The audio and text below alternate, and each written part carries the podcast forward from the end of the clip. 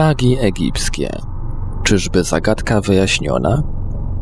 Naukowcy twierdzą, że znaleźli dowód potwierdzający, że 10 plag egipskich, które w Księdze Wyjścia doprowadziły do uwolnienia Izraelitów przez Mojżesza spod władzy Egiptu, było wywołane prawdziwymi katastrofami naturalnymi. Zamiast jednak tłumaczyć je jako akt gniewu mściwego Boga, naukowcy twierdzą, że plagi te można przypisać serii zjawisk przyrodniczych wywołanych przez zmiany klimatu i kataklizmy, które wydarzyły się tysiące kilometrów dalej. Zebrali oni istotne dowody, które oferują nowe wyjaśnienie pochodzenia biblijnych plag. Obecnie archeolodzy w większości sądzą, że plagi wydarzyły się w starożytnym mieście Pi-Ramzes, leżącym w delcie Nilu, które było stolicą Egiptu w czasie panowania faraona Ramzesa II w latach 1279-1213 przed naszą erą. Miasto prawdopodobnie zostało opuszczone około 3000 lat temu, zaś naukowcy są zdania, że plagi mogą oferować wyjaśnienie, dlaczego do tego doszło.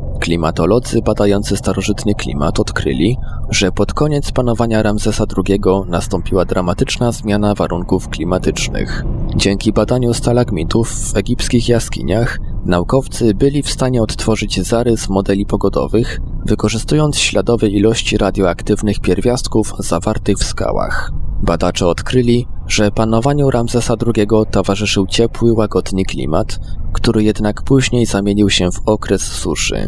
Profesor Augusto Magini, paleoklimatolog z Instytutu Fizyki Środowiskowej Uniwersytetu w Heidelbergu, powiedział: Faraon Ramzes II panował w okresie utrzymywania się bardzo przyjaznego klimatu. Było dużo deszczu, a jego kraj rozwijał się.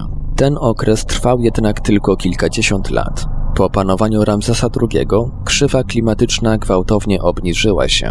Nastąpił okres suszy, który z pewnością pociągnął za sobą pewne konsekwencje. Naukowcy sądzą, że ta zmiana klimatu była czynnikiem decydującym dla pierwszej z plag. Rosnące temperatury mogły spowodować wyschnięcie Nilu, zamieniając będącą ostatnią deską ratunku Egipcjan szybko płynącą rzekę w powolne i błotniste koryto. Te warunki mogły być idealne dla objawienia się pierwszej plagi, która w Biblii opisana została jako przemiana Nilu w krew.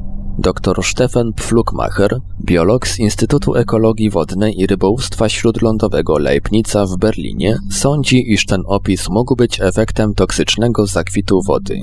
Dr Pflugmacher stwierdził, że bakteria znana jako krew burgundzka lub Oscillatoria rubescens istniała już 3000 lat temu i do dziś wywołuje podobne efekty.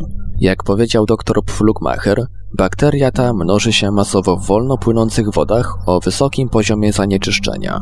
Obumierając, zabarwia wodę na czerwono. Naukowcy wyrażają też opinię, że pojawienie się tej algi wywołało wydarzenia, które doprowadziły do wystąpienia drugiej, trzeciej i czwartej plagi żab, komarów i much. Rozwój żab ze stadium kijanki do postaci dorosłej jest sterowany przez hormony, przy czym proces ten może ulec przyspieszeniu w przypadku zwiększonego napięcia. Pojawienie się toksycznej algi mogło przyspieszyć taką przemianę i zmusić żaby do wyjścia z wód, w których żyły. Gdy jednak żaby wyginęły, oznaczało to, że komary, muchy i inne owady mogły rozmnażać się w nieskończoność pod nieobecność drapieżników które utrzymywałyby ich liczbę pod kontrolą. Według naukowców mogło to doprowadzić do pojawienia się piątej i szóstej plagi pomoru bydła i wrzodów. Profesor Werner Kloas, biolog z Instytutu Leibnica, powiedział: Jak wiadomo, owady często przenoszą choroby takie jak malaria, więc następnym krokiem w reakcji łańcuchowej jest wybuch epidemii, powodujący spadek populacji ludzkiej. Znana jest również inna duża katastrofa naturalna, która wydarzyła się w odległości 650 km od Piramzes i która była odpowiedzialna za sprowadzenie plag 7, 8 i 9, czyli gradu, szarańczy i egipskich ciemności. Jedna z największych erupcji wulkanicznych w historii wydarzyła się około 3,5 tysiąca lat temu, kiedy to leżący na północ od Krety wulkan Terra będący jedną ze śródziemnomorskich wysp Santorynu, wybuchł, wyrzucając do atmosfery miliardy ton pyłu wulkanicznego.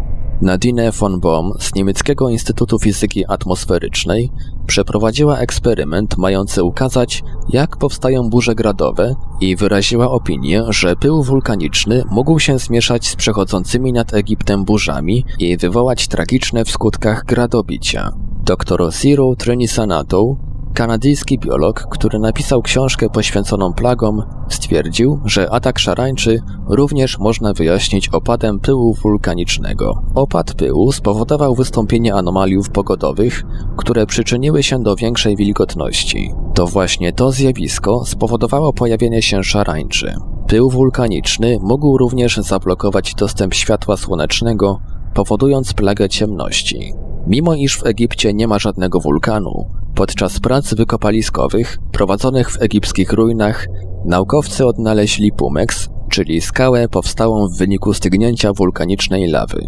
Analiza skały wykazuje, że pochodzi ona z wulkanu z rejonu Santorynu, dostarczając tym samym dowodu na to, iż opad wulkanicznego pyłu dotarł do wybrzeży Egiptu. Przyczyną ostatniej plagi, czyli masowego wymierania egipskich noworodków, mogły być grzyby, które zatruły zapasy ziarna, z którego noworodki otrzymywały swoje pierwsze posiłki i w wyniku czego pierwsze padały ofiarą zatrucia.